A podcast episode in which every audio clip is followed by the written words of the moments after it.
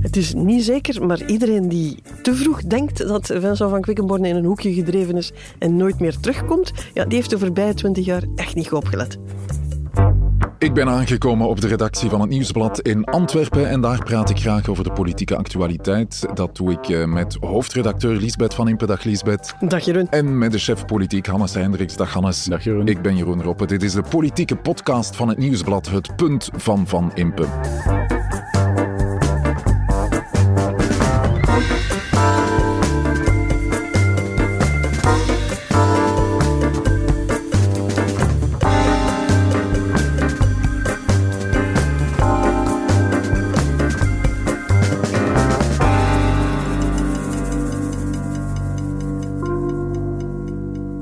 Hebben het over de politieke actualiteit natuurlijk eh, vandaag, maar zullen we afspreken dat we het niet gaan hebben deze keer over Conor Rousseau? Nee, Conor Rousseau begint eh, veel ruimte in te nemen en we moeten toch af en toe eens triëren. Hè.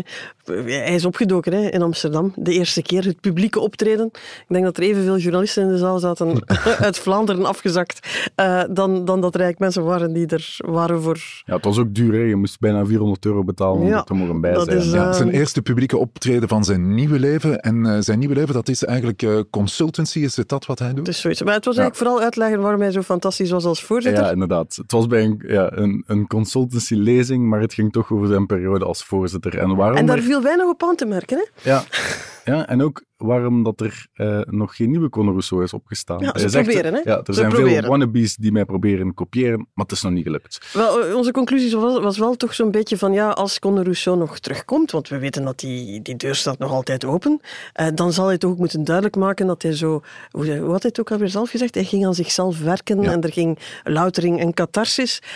Eh, Er is nog wat werk. Ja, geen punt vandaag over Conor Rousseau. Over Dat was wie- wel een beetje een punt. Hè, maar, maar- Over wie, Ja, let's go on. over wie ik wel graag een punt zou horen, dat is Vincent van Quickenborne. Die was eh, minister van Justitie in de federale regering, maar hij nam ontslag na de moord op eh, twee Zweedse voetbalsupporters in ons land. En nu is hij volop bezig met de voorbereiding van de gemeenteraadsverkiezingen. In Kortrijk is dat. Eh, ligt zijn politieke toekomst daar, Hannes? Eh, ik denk dat hij zelf denkt van wel, eh, maar dat er een aantal andere mensen in Kortrijk denken dat zijn politieke toekomst zelfs niet meer in Kortrijk ligt. Misschien ergens nog in zijn straat of zo. Eh, dat misschien wel, maar eh, alleszins ja, echt gewenst en geliefd is hij niet. Hij Ja. ziet zichzelf een beetje als de deus ex machina van Kortrijk. Maar Ja. ja. het zijn een aantal bedenkingen bij te Maar dat zeggen, pas op, hè, als hij ooit de consultancy in moet zoals Conor Rousseau, dan zal hij masterclasses politiek overleven kunnen geven. Dus Ja. eh, onderschat Vincent van Quickenborne toch ook nooit. Ja. Het is alleen iets lastiger, denk ik, dan hij zelf gedacht had. We hebben het eh, over Vincent van Quickenborne en een meerderheid eh, vormen op gemeentelijk vlak. Dat eh, loopt meestal iets vlotter dan een meerderheid eh, vormen op nationaal vlak.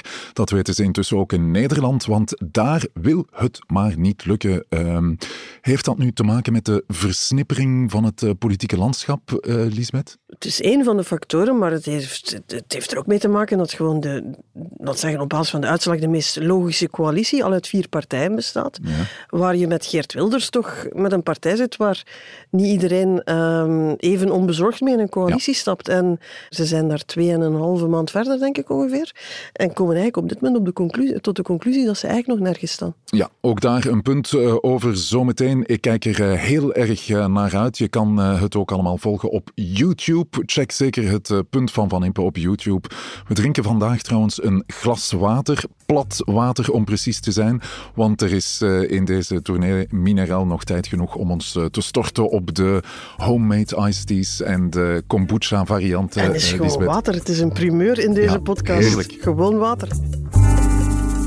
We gaan alles in volgorde doen. We hebben nu de stadslijst voorgesteld. We gaan een programma maken. We gaan erover in dialoog met de Kortrijksanen.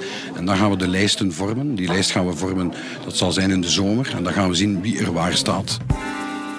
Vincent van Quickenborne stort zich op eh, Kortrijk. Je hoorde hem hier eh, tijdens de voorstelling van de nieuwe stadslijst voor Kortrijk of team burgemeester. Dat was mij nog niet helemaal duidelijk. Wat, ja, eh, nee, voor verschillende Kortrijk-examen ook niet. Eh, en voor de CD&V'ers die erbij stonden Ja. ook niet, eerlijk gezegd. Want eh, er was afgesproken dat de stadslijst ging gepresenteerd worden, maar het was eh, toch het logo van Team Burgemeester. Ja. Dat, eh, Ik begrijp dat stond. eigenlijk zelfs niet de bedoeling was dat we zo'n uitgebreide quote van Vincent van Quickenborne hebben. Nee, nee, ja, inderdaad. ja, dat is deel van het verhaal. Dus er was afgesproken dat het CD&V-kopstuk en Ruud van den Bergen, die was waarnemend burgemeester van Kortrijk toen Vincent van Quickenborne nog uh, minister van Justitie was, dat zij het woord gingen voeren op die persconferentie en dat Vincent van Quickenborne ergens een bijrol zou krijgen, ergens in de coulissen of zo. Of, uh, buiten het zicht van de dat camera's. Dat ze niet bijleren dat Vincent van Quickenborne geen bijrollen speelt, het, het, blijft wel verbazen. Want allee, ja, het is niet dat ze hem daar niet kennen. Hè? Want voor alle duidelijkheid, die nieuwe stadslijst in Kortrijk die krijgt de steun onder meer van de plaatselijke CD&V. Dat is de partij die destijds door uh, Van Quickenborne ja.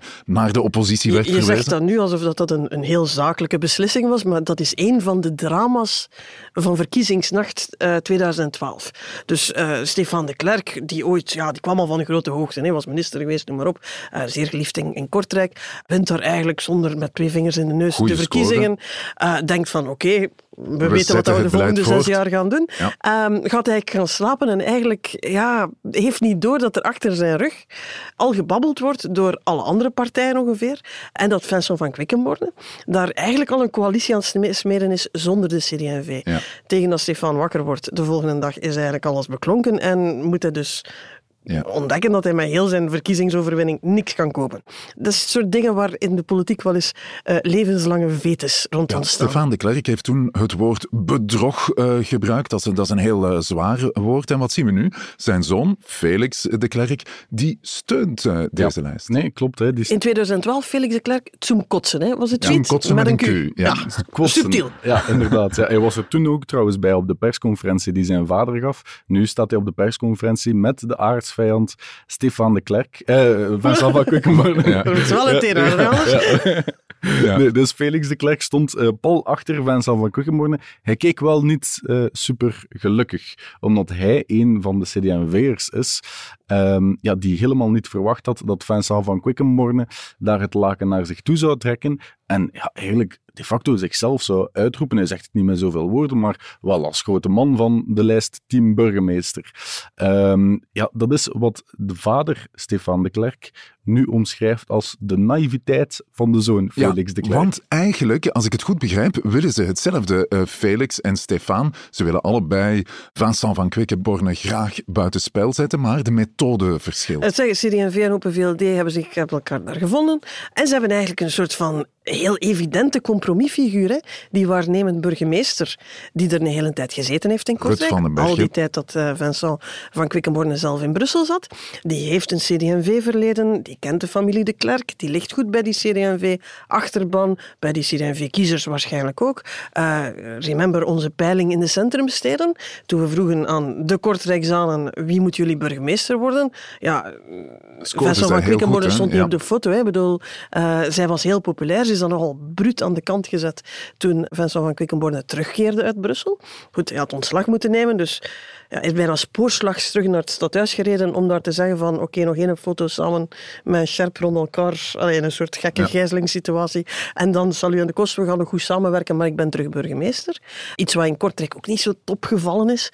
Maar dus voor dat kartel is eigenlijk die Ruud van den Bergen de veel hm. logischer keuze dan Vincent van Quickenborne, die dus ook bij zijn eigen achterban niet meer top ligt. Hannes, je weet, ik luister uh, altijd naar de Insider, de Actua-podcast van het Nieuwsblad. Um, daar gebruikte je de uitdrukking paard van Troje. Is het een paard van Troje dat uh, Vincent van Quickenborne heeft binnengehaald met de CD&V? Ja, dat zou je wel kunnen zeggen, want ik heb nu heel veel CD&V'ers in Kortrijk. Ik heb nog nooit zoveel Kortrijksanen uh, aan de lijn gehad de voorbije twee dagen. Maar ik heb heel veel CD&V'ers gehoord. Sommigen zeggen onrekkerd, ja, wij zijn team Ruud.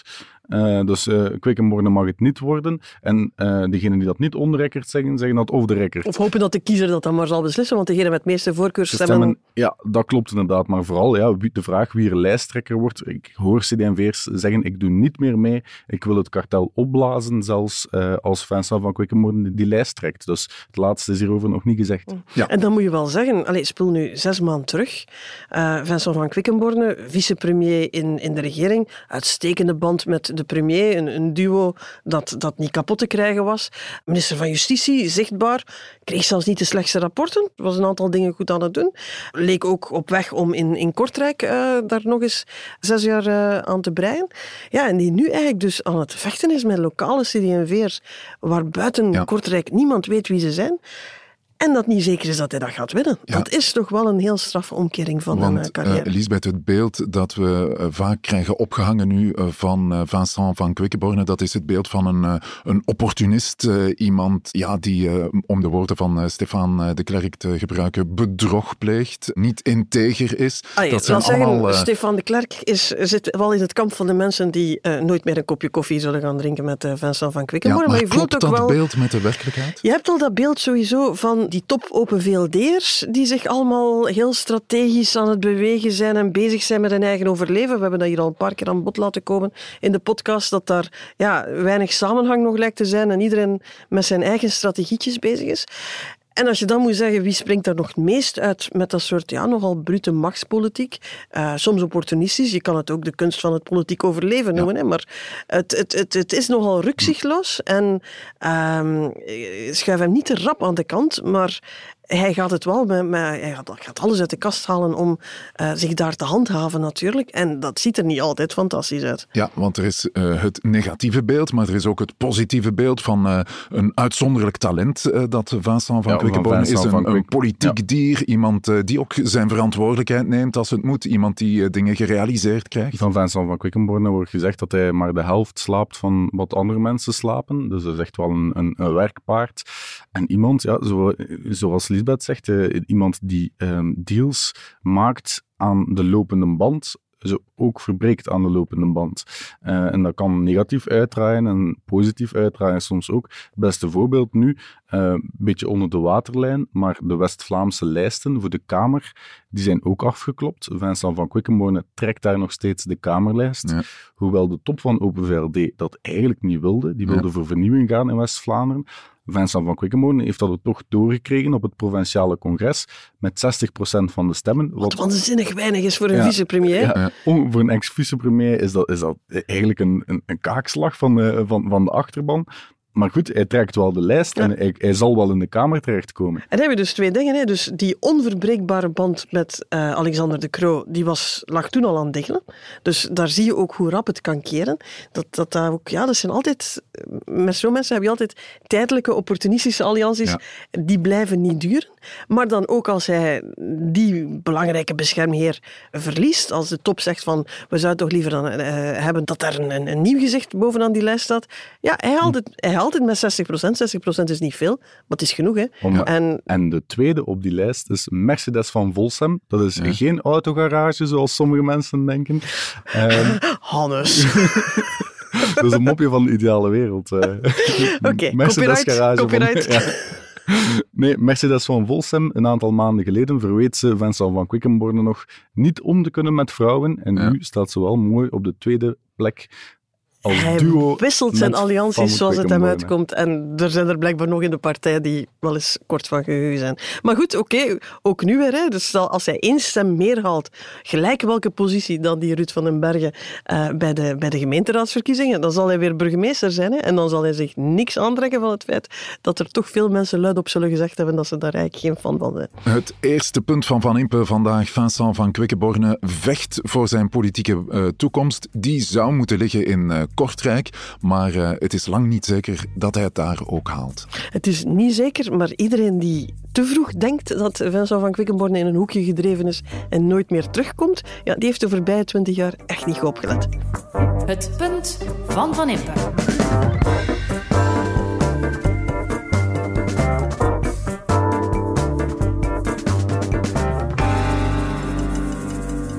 Dat was een pijnlijk moment voor ons en dat zal zo blijven. Maar het is op een bepaald moment moet je ook kijken wat is best voor de stad.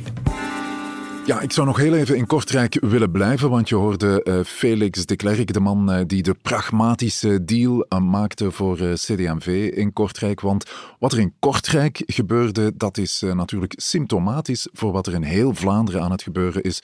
Er ontstaan overal monsterverbonden in heel wat gemeenten, met het oog op de gemeenteraadsverkiezingen van oktober. Want wie de burgemeester wordt, dat hangt af van het aantal voorkeurstemmen. Je moet er nog één ding bij zeggen. Ja. Je moet in de coalitie van de grootste lijst van de coalitie. Ja. Van de grootste lijst van de meerderheid, ja. Maar die grootste lijst mag wel het initiatief nemen meteen naar de verkiezingen. Dus Klopt, ja. Er zijn nieuwe spelregels, dus uh, je wint de verkiezingen, jouw lijst wint de verkiezingen, dan heb je het initiatiefrecht. Ja, laat ons zeggen, het is niet helemaal toevallig dat een deel van de familie de Klerk beslist heeft dat 2024 het jaar van de vergeving en de verzoening wordt en het moment dat er toch eens met Open VLD gesproken wordt. Ik denk dat het moet, moet een goed jaar geleden zijn dat we zeiden van dat nieuw gemeentedecreet komt eraan ja. met die Hè. Ik bedoel, de grootste partij heeft het initiatiefrecht, mag twee weken proberen een coalitie te vormen, wat dus Stefan de Klerk de vorige keer in 2012 overkomen is kan dus in principe niet meer. Dat je als grootste partij eigenlijk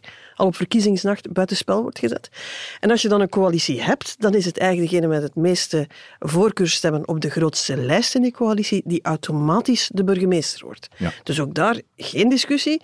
Het wordt echt een, een, een spel van de stemmen tellen. Ja. Uh, en dus het is dus geen toeval dat dit uh, in de aanloop naar deze verkiezingen er in alle gemeenten en steden van Vlaanderen goed gekeken is van hoe kunnen we een coalitie maken, hoe kunnen we een kartel maken, een, een, een lijstburgemeester of noem het maar op, uh, die groot genoeg kan zijn om die heel dominante positie eigenlijk automatisch af te dwingen. Ja, er zijn dus uh, nieuwe spelregels uh, in Vlaanderen. Uh, wat betekent dat voor een partij ja. als bijvoorbeeld Open VLD of CD&V? Wat dus echt superbelangrijk wordt bij deze lokale verkiezingen, dus vanaf oktober, is de grootste zijn.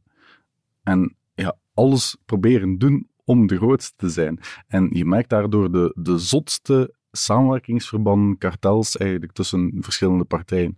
Om terug te komen op ons voorbeeld van Kortrijk, Vincent van Quickenborne heeft eerst gevraagd aan NVA en Vooruit om samen naar de kiezer te gaan. Coalitiepartners. Ja, zijn huidige coalitiepartners, omdat die al een meerderheid hebben uiteraard om daarmee naar de kiezer te gaan. En dan pas aan CD&V zijn akkoord gegeven om samen een lijst te vormen. Dus ja, ja ofwel christendemocraten, Vlaams nationalisten, uh, socialisten... Uh... Het doet er niet toe. En we zien vooral bij Open VLD'ers en CD&V'ers een heel grote bereidheid om uh, in, in, in constellaties op te ja. gaan waar de naam niet meer opplakt, die nauwelijks nog te identificeren zijn.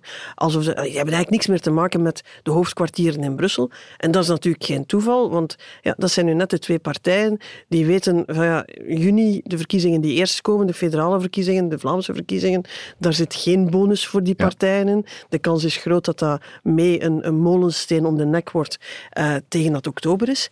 Uh, dus die zijn nu al waren voor hun geld aan het kiezen en sluiten vrij opportunistische verbonden. Ja, de redenering achter uh, dat nieuwe decreet, dat was uh, we maken coalities uh, of coalitievorming transparanter. Vroeger werden er altijd voorakkoorden gesloten die dan achteraf vaak niks meer waard bleken. is dat dan geen goede zaak? Je zou dat een goede zaak kunnen vinden als je tegen die voorakkoorden bent. Langs de andere kant krijg je nu een ongelooflijke presidentialisering eigenlijk van je kiescampagne, waarbij je één uh, vaak zittende burgemeester hebt die een grote lijst rond zich bouwt en dan één of twee uitdagers hebt, waar je toch wel het gevoel krijgt dat het veel minder gaat om de inhoud dan wel om uh, de positie van de burgemeester.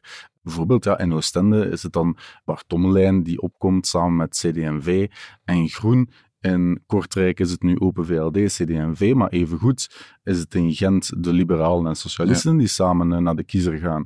Dus ja, als je dan vertrekt vanuit het ideologisch kader van die partijen en je bent socialist, ja, dan moet je plots op een liberale burgemeester gaan stemmen bijvoorbeeld, wat toch wel redelijk raar is. En dan kan je zeggen van ja, het is lokale politiek, dat is allemaal veel minder ideologisch en ergens klopt dat natuurlijk wel. Maar hier ga je wel heel ver om er een, een, een potje van te maken. Als je in een middelgrote stad uh, zit, dan ja, in, in een dorp speelt ideologie nu echt wel heel weinig, maar in die steden zit je toch wel met een aantal dingen waar die toch oprecht van mening zouden moeten verschillen over hoe ze die stad willen besturen en welke keuzes dat je daar maakt. En je kan je gaan afvragen als kiezer, wat moet je dan eigenlijk nog gaan doen? Je moet daar eigenlijk gewoon de keuzes die al gemaakt zijn, oké, okay, in alle transparantie, ja. dat klopt, maar je kan die eigenlijk alleen nog bijna gaan valideren. Zeggen van, ah ja, oké, okay, ik zal me dan maar aansluiten bij wat de partijen zelf eigenlijk al beslist hebben. En dat is het dan. In een verkiezing waar voor de eerste keer uh, geen opkomstplicht zal zijn. Ja, dus je moet niet meer in Vlaanderen bij de gemeenteraadsverkiezingen ben je niet meer verplicht nee. om te gaan stemmen. En je gaat dus wel een pak gemeenten daarvoor je denkt van ja, wat maakt het nu eigenlijk uit? Tenzij dan de, de, de popol. Uh, ja. Wie wordt burgemeester? Wie heeft het meeste aantal bolletjes achter zijn naam? Maar ook in de meeste steden, oké, okay, in Kortrijk zal dat nu nog een beetje spannend zijn. Maar dat gaat in, in, in die monsterlijsten met een duidelijk boegbeeld en een duidelijke kandidaat-burgemeester, gaat daar ook niet veel spannends aan zijn. Hè? Ja, een neveneffect zou ook uh, kunnen zijn uh, dat de gemeenteraadsverkiezingen in oktober, Hannes, uh, het einde zou kunnen betekenen van een aantal uh, centrumpartijen? Wel ja, je merkt dan nu vooral dat, dat CD&V en Open VLD vooral in kartel naar de kiezer gaan. Uh, heel opvallend, ook vaak wel uh, met goedkeuring van de nationale partijtop, zoals bijvoorbeeld nu in Kortrijk het geval is. Um, dat heeft verschillende oorzaken, omdat ze vaak op lokaal niveau eigenlijk geen onderscheid meer kunnen maken tussen elkaar. Maar ook wel omdat die partijen vaak ook kijken naar de federale verkiezingen en daar het ne mogelijk negatieve effect van hun partijen en de score daar niet willen meesleuren naar die gemeenteraadsverkiezingen. Dus ja, het, die, die, analyse is al gemaakt. Het zou wel eens kunnen dat die politieke herverkaveling, waarover ja. zoveel gesproken wordt, dat die start op lokaal niveau moeten we er wel bij zeggen. In Wallonië is dat niet gebeurd, maar bon, daar ziet het partijlandschap er ook wel iets anders uit. Ja, en dus zeker bij CD&V en Open VLD, die twee centrumpartijen die echt in de verdrukking zitten, ja, daar, daar kiest men echt waar voor zijn geld. Hè. Dus uh, daar, eh, toch wel opmerkelijk hoor, in, in West-Vlaanderen was het denk ik een tijd geleden compleet ondenkbaar dat CD&V op die manier zou oplossen. Ja. Uh, dat was toch de partij die daar eigenlijk nog de, de lakens uitdeelde. Niet altijd onder de naam CD&V, maar dan wist iedereen wel heel goed dat eigenlijk CD&V'ers ja. waren. Uh, ja, dat is nu wel een ander verhaal. Het is een soort van samengaan uit, uit, uit miserie. Hè? Ja, ik ga dat hier eens uh, proberen samen te vatten en er een punt van te maken. De impact van uh, het nieuwe gemeentedecreet wordt stilaan duidelijk. Monsterverbonden die ideologisch misschien niet altijd even coherent zijn, zorgen ervoor dat de kiezer straks maar weinig keuze heeft. En van sommige partijen zal niet veel meer overblijven. Dat heb jij bijzonder netjes samengevat. En af en toe, het is dan niet Open VLD, uh, CD&V, maar in Horebeke, dat is tot nu toe de gekste combinatie. Weet je wat daar de combinatie is? Nee. Daar gaan N-VA en Groen samen. Groen van Petra Twee partijen ja. die doorgaans als ze in elkaars buurt worden een klein beetje misselijk worden. Wel ja, die twee gaan daar samen. Petra de Zutter is daar het boegbeeld van Groen. Je zou denken, die zou toch op eigen kunnen proberen? Maar nee, die hebben een monsterverbond gesloten. Horebeke, dat wordt het, uh, de gekste gemeente van Vlaanderen. Ik denk wel niet dat we dat gaan doortrekken op nationaal niveau. N-VA en Groen die samen gaan. Uh, nee, zo zot zal het niet worden. Het punt van Van Impe.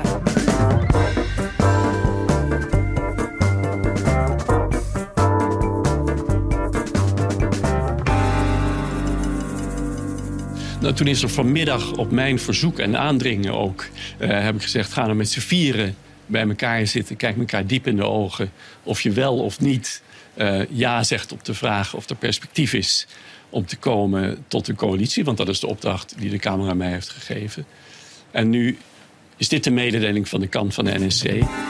In Nederland uh, proberen ze een rechtse regering te vormen, maar dat gaat heel moeizaam. Zeker nu uh, Pieter Omtzigt van de centrumpartij NSC zich uit de onderhandelingen lijkt te trekken. De informateur Ronald Plasterk hoorde je uh, vertelde hoe dat allemaal gebeurde. Maar het ziet er dus naar uit, Lisbeth, dat Pieter Omtzigt de onderhandelingen heeft verlaten. Waarom eigenlijk?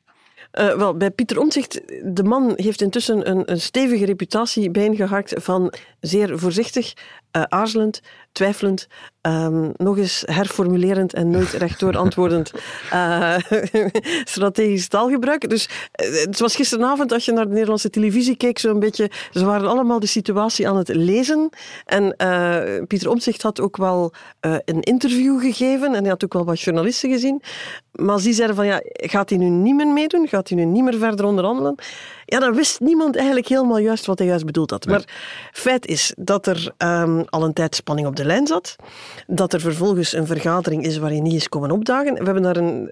Het zijn moderne onderhandelingen. Ze worden een beetje via Twitter ook gevoerd. Sorry, via X. Dus op dat moment had dan uh, Wilders de druk wat opge voert door te tweeten dat het nu echt wel in het landsbelang was dat er een coalitie kwam. En toen hadden de andere twee partijen die nog aan tafel zaten, uh, BBB, Boer-Burgerbeweging, ja. en de VVD, de klassiek-liberale uh, partij, hadden dan gezegd, ja, dat vinden wij ook. En toen zat iedereen maar te refreshen om te zien of dat Pieter Omtzigt dan ook een duimpje ging sturen en dat duimpje kwam niet. En ja. toen wist iedereen van, oei, dat is niet goed. Hij zegt officieel dat het is omdat hij inzage gekregen heeft in de begrotingscijfers en ja. dat die slechter zijn dan hij gedacht had. Ja, en hij beweert dat die cijfers zijn achtergehouden tijdens de onderhandelingen. Maar mag ik zeggen dat dat maar een drogreden is? Wel, ja, ik begrijp dat eigenlijk niet goed. Als je zegt uh, we hebben nog niet bestuurd, we krijgen een slechte begroting, dan zou ik denken, als je dan een grote verkiezingsoverwinning hebt behaald, dat je er iets aan kunt doen en een regering kunt vormen, bijvoorbeeld, om dat op te lossen. Um, We moeten daarbij zeggen, als Nederlanders slechte begroting zeggen, dan bedoelen ze iets anders dan als wij Belgen slechte begroting zeggen. bedoel, volgens hetzelfde criterium kan je hier nooit meer een regering vormen. Een gat in de begroting is daar een putteken. Dat is inderdaad waar. Ja, maar het is een, een, een drogreden. Ja, er wordt toch gezegd, de, dat is de, de meest gehoorde analyse bij de Nederlanders, dat uh, Pieter Omtzigt en zijn NSC zich sowieso niet echt uh, comfortabel voelt om ja. een regering te bouwen met extreem rechts uh, van Geert, Wilders van, en de PVV. en daardoor eigenlijk een uitweg zocht. Hij is ook altijd een beetje vloe geweest over of hij dan nu wel echt wilde of niet. Eigenlijk begon het al op verkiezingsnacht. Het was eerst wel, dan niet. Dan en toen dachten ze ook typisch Pieter, ja. maar intussen is duidelijk dat het fundamenteler is. Mij doet het een beetje denken aan de positie van N-VA in ons land als het gaat over het Vlaams Belang. Kan je die vergelijking maken? Nederlanders kijken helemaal anders naar een, een, kabinet, zelfs onder leiding van Wilders. Iets wat hier in Vlaanderen toch nog altijd... Um, daar moeten we nog veel watertjes voor doorzwemmen, ja. voordat je daar geraakt. Maar je voelt wel, ja, als je die deur zo op een kier zet... De VVD heeft dat meegemaakt tijdens de campagne. Die hebben ja, echt... Dat is de liberale partij. Hun campagne heeft toen echt geleden over het feit dat ze eerst wel, dan niet, dan toch de deur op een kier, dan toch niet. En ja, waardoor die kiezer zoiets heeft van... Ja, jongens, we zullen wel zien. En je ziet eigenlijk na de verkiezingen dat zo'n twijfelende positie um, ook niet makkelijk is. Een beetje catch-22. De, de analyse die gemaakt wordt is dat de verkozenen van Omtzigt, zijn, zijn parlementsleden, dat daar een, een, een substantieel deel van echt niet zitten wachten op een coalitie met Geert Wilders. Straks op de banken moeten gaan zitten en applaudisseren voor Wilders. Ja. Dat is niet de reden dat die in de politiek gestapt zijn. Ze weten tegelijk dat hun eigen kiezers daar veel minder problemen mee hebben en vooral verandering willen. Ja. Gezegd hebben van oké, okay, er is een heel duidelijk signaal van de kiezer gekomen. Boer-burgerbeweging, die zijn nieuw. Uh, Wilders, die heeft eigenlijk nog nooit echt bestuurd, laat staan echt een, een, regering getrokken. Dat is die vernieuwing die we zochten. Die, die, die klassieke partijen gaan aan de kant en dit is een, een coherent uh, verhaal. Dus je zit daar gevangen tussen je kiezers en je parlementairen en je eigen achterban.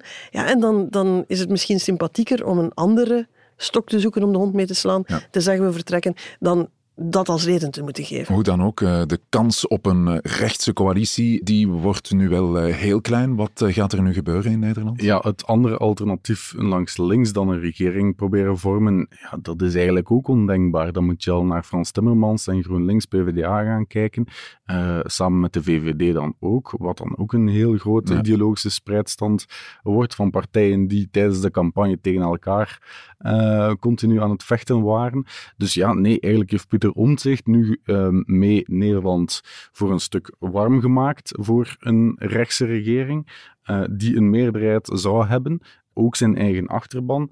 En ja, kan hij daar ook heel moeilijk op terugkomen. Dus ja, nu trekt hij zich zo met één been terug uit de onderhandelingen, met één been niet. Ja, het is onmogelijk om te voorspellen wat er gaat gebeuren, maar het zou wel eens kunnen dat het gewoon ja, terug naar de kiezer is. Ja, en dan zie je nu al aan de peilingen, wie is daar op dit moment garen bij aan het spinnen? Wilders. Ja. Uh, Wilders is hier degene die geblokkeerd dus wordt door de rest. En zou, uh, zou de Wilders nog sterker kunnen ja, maken. Omtzigt staat daar in de peilingen op verlies.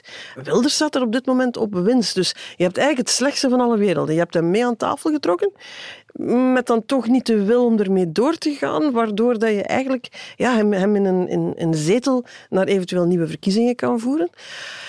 Dan heb je, ja, denk de tweede optie lijkt te zijn uh, dat je daar dan heel rare constructies gaat maken. Dat je dan met gedoogstoon hier en, en ja. uh, om zichzelf is de hele tijd bezig over een, iets wat hij bijna niet te definiëren valt, een soort van extra parlementair zakenkabinet waar de partijen wel een beetje in zitten, maar niet echt. En dan ook een paar externen. Maar dan voel je natuurlijk als je dan niet oplet, dan ben je iets op poten aan het zetten dat alle slagkracht zal missen, dat niet zal kunnen besturen. En dan moet je maar hopen dat de kiezer over een paar jaar daar Wilders op afrekent en niet degenen die dan eigenlijk de keuze gemaakt hebben om die ploeg al van in het begin te verzwakken. Dus je speelt daar eigenlijk wel met vuur. Ja, een laatste punt van vandaag. Een rechtse meerderheid in Nederland wordt met de dag onwaarschijnlijker. En wat de toekomst brengt, dat kunnen we onmogelijk voorspellen. Ja, feit is dat verschillende partijen daar in Nederland, warm hebben gemaakt voor premier Wilders. En uh, dat als ze dat niet krijgen, dat ze Wilders zullen steunen bij de verkiezingen en dat dat een belangrijke les is voor NVA hier bij ons. Je kan niet schipperen van het een naar het ander en een beetje terug en een beetje misschien en een beetje dan. Uh, in Nederland zijn ze heel hard aan het bewijzen dat je daar een serieuze prijs voor betaalt. Het punt van Van Impe.